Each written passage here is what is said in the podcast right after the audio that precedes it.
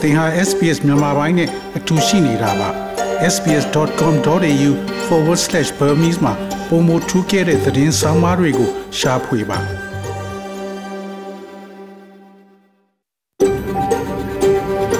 SBS A world of difference You're with SBS Burmese on mobile, online and on radio mobile online နဲ့ radio ပေါ်မှာသင်ဟာ SPS မြန်မာပိုင်းနဲ့အ တူရှိနေတာဖြစ်ပါတယ်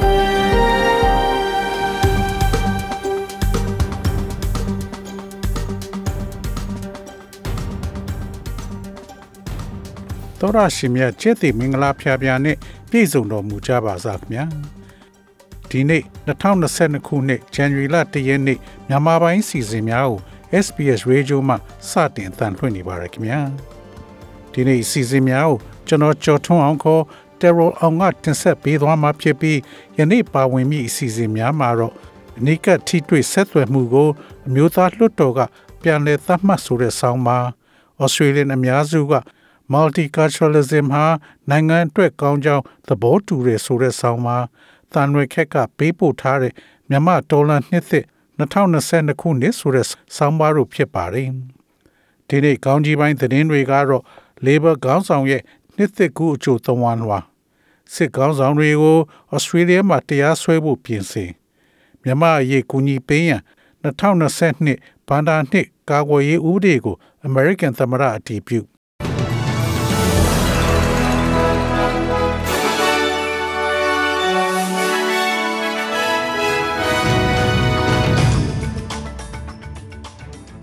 ယခုချိန်ကစပြီးသတင်းများကိုကျွန်တော်ကြော်ထုတ်အောင်ကစတင်ဖတ်ကြားပါတော့မယ်။ Labor ကောင်းဆောင် နှစ်သက်ကူအချိုးသဝန်းလွာ Labor ကောင်းဆောင် Anthony Albanese သည်ဩစတြေးလျနိုင်ငံသားများကျမ်းမာပျော်ရွှင်ပြီး2022ခုနှစ်အတွက်နှစ်သက်ကူအချိုးသဝန်းလွာကို ထုတ်ပြန်ခဲ့ပါတယ်။ချီရသူတွေနဲ့ခွဲခွာနေရခြင်းနှင့်အထီးကျန်ကာလများကြောင့်ယခုနှစ်သည်ခက်ခဲတဲ့ဟုအတိုက်ခံခေါင်းဆောင်ကပြောဆိုပါတယ်။ ခက်ခဲသော2021ခုနှစ်နောက်ပိုင်းတွင် လာမယ့်နှစ်တွင် တိုးတက်မှုများရှိလာမယ်လို့မျှော်လင့်ကြောင်း၎င်းကပြောဆိုပါတယ်။ပုံမလွယ်ကူသောအချိန်ပျော်ရွှင်သောနှစ်သစ်ဖြစ်ပါစေ2022အတွက်အကောင်းဆုံးဖြစ်ပါစေကြောင်းဆုမွန်ကောင်းတောင်းအပ်ပါတယ်။စစ်ကောင်းဆောင်တွေကိုဩစတြေးလျမှာတရားစွဲဖို့ပြင်ဆင်စေအာနာသိန်းခေါင်းဆောင် ဗိုလ်ချုပ်မူကြီးမင်းအောင်လှိုင်ပါဝင်ရာဇဝဲမှုကျူးလွန်သူတွေကိုဩစတြေးလျနိုင်ငံတရားရုံးမှာတရားစွဲဆိုဖို့ပြင်ဆင်နေကြောင်းအမျိုးသားညီညွတ်ရေးအစိုးရ NUG ရဲ့လူအခွင့်အရေးဆိုင်ရာဝန်ကြီးဦးအောင်မျိုးမင်းက RFA ကိုပြောဆိုပါတယ်အလို့ဆိုဝါပြင်းထန်တဲ့ရာဇဝဲမှုတွေအတွက်ဘယ်နိုင်ငံတရားရုံးကမဆိုတရားစွဲစီရင်ဆုံးဖြတ်ပိုင်ခွင့်ရှိတဲ့နိုင်ငံတကာဥပဒေတွေအရအာဂျင်တီးနားနိုင်ငံမှာတရားစွဲဆိုခဲ့တယ်လို့ ဩစတြေးလျနိုင်ငံတရားရုံးမှလည်းတရားစွဲဆိုဖို့လှုံ့ဆော်နေတာဖြစ်တယ်လို့ဦးအောင်မျိုးမင်းကပြောဆိုပါတယ်။အာနာသိန်းစစ်ကောင်စီဟာနိုင်ငံတော်ဝန်လုံးမှာရာဇဝတ်မှုတွေကျူးလွန်လာတာဟာအခုအာဏာသိမ်းချိန်မှာတင်မကပဲ2016 18ခုနှစ်ကရိုဟင်ဂျာတွေကိုသတ်ဖြတ်မှုတွေရှိခဲ့တယ်လို့တိုင်းသားဒေသတွေမှာလည်းဒေသခံပြည်သူတွေကိုအစုလိုက်အပြုံလိုက်သတ်ဖြတ်ပြီးရာဇဝတ်မှုကျူးလွန်ခဲ့တယ်လို့ပြောဆိုပါတယ်။ ဒီလိုကာလကြာရှည်ရာဇဝတ်မှုကျူးလွန်ခဲ့တဲ့အာဏာသိမ်းစစ်ကောင်စီကိုနိုင်ငံတကာအနေနဲ့အရေးယူဖို့ကြံ့ကြာနေတာကိုလည်းအများဆုံးတုံ့ပြန်ဖို့လိုအပ်တယ်လို့ပြောဆိုပါတယ်။ရိုဟင်ဂျာတွေကိုလူမျိုးတုံးသတ်ဖြတ်မှုကျူးလွန်တဲ့ဆိုတဲ့ဆွဆွဲချက်နဲ့စစ်ကောင်စီကိုနယ်သာလန်နိုင်ငံ The Hague ရှိအပြည်ပြည်ဆိုင်ရာတရားရုံး ICJ မှာတရားစွဲဆိုထားသလိုအာဂျင်တီးနားနိုင်ငံ ဘိုနိုအေရစ်ဆွဲတရားရုံးမှလည်းတရားစွဲဆိုထားပါတယ်မြန်မာအရေးအကူအညီပေးရန်2022ဘန်ဒါနှစ်ကာကွယ်ရေးဥပဒေကို American သမ္မတလက်မှတ်ထိုးကာဝေးအသုံးစရိတ် American Dollar 980 billion ခွင့်ပြုထားတဲ့2022ဘန်ဒါနှစ်အတွက်အမျိုးသားကာကွယ်ရေးအခွင့်အာဏာအရအဲဥပဒေ NDAA ကို American သမ္မတဂျိုးဘိုင်ဒန်က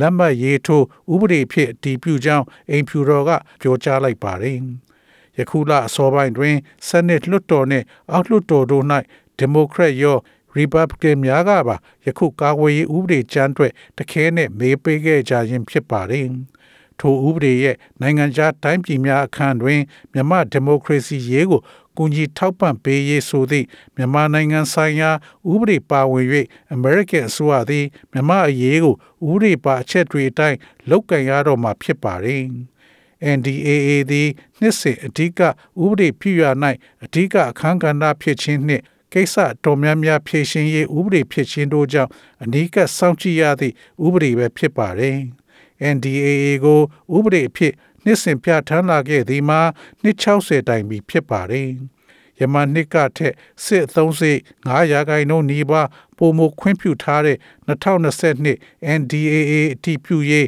သဘောတူညီချက်ရရန်တရုတ်နဲ့ရုရှားနဲ့ပတ်သက်သောမူဝါဒများ၌သာမတင်ရေမကျဖြစ်ခဲ့ပြီးဒီမိုကရက်နဲ့ရီပတ်ဘလစ်များကြားအပြင်းထန်ဆွေးနွေးကသဘောတူနိုင်ခဲ့ခြင်းဖြစ်ပါတယ်။ virus အမြန်စမ်းသပ်မှုများ လူမှုဖူလုံရေးနှင့်ကျန်းမာရေးအဖွဲ့များသည်အကာအကွယ်ပစ္စည်းအစုံလင်ကို အားနည်းချက်ရှိသော လူနာများအတွက်မတတ်နိုင်သောကြောင့်လျင်မြန်သော antigen covid testing ကိုခြေခြေပြန့်ပြန့်အခမဲ့ဝေငှရန်တွန်းအားပေးနေပါသည်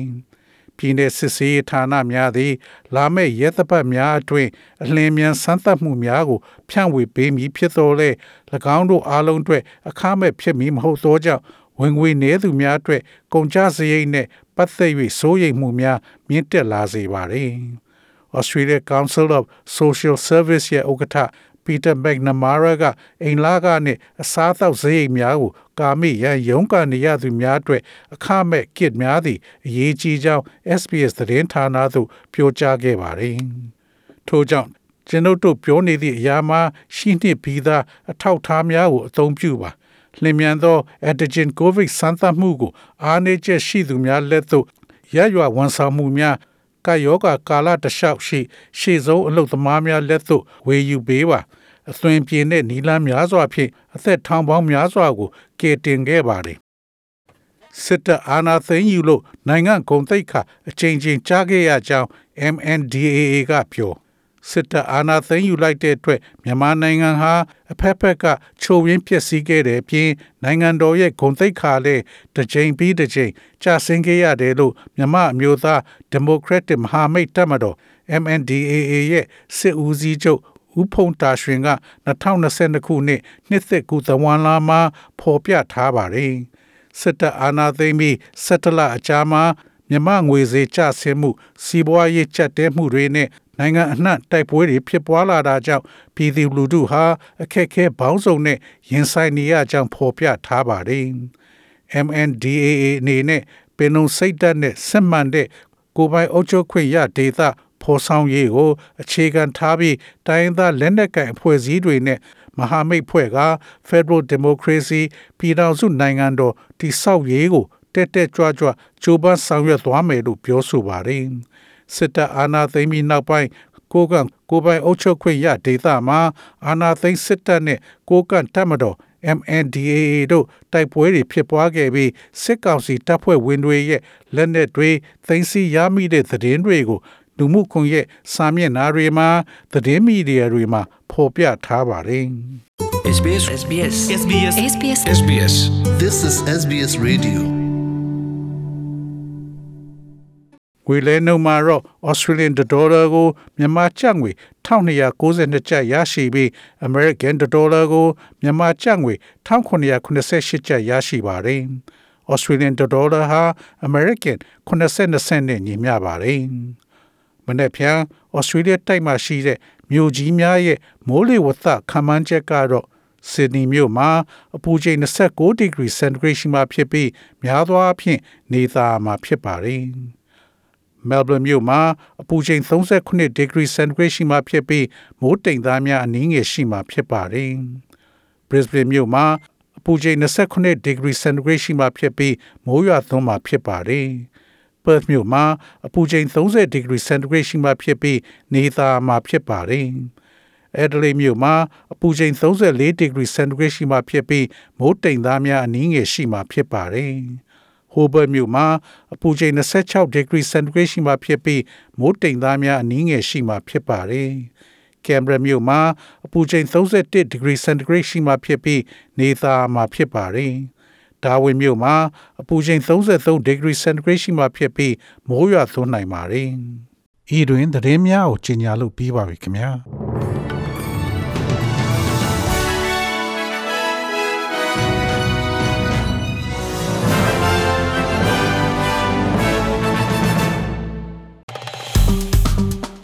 SPS မြန်မာပိုင်းကို Facebook ပေါ်မှာ like ရှာပြီး like မျှဝေမှတ်ချက်ပေးပါ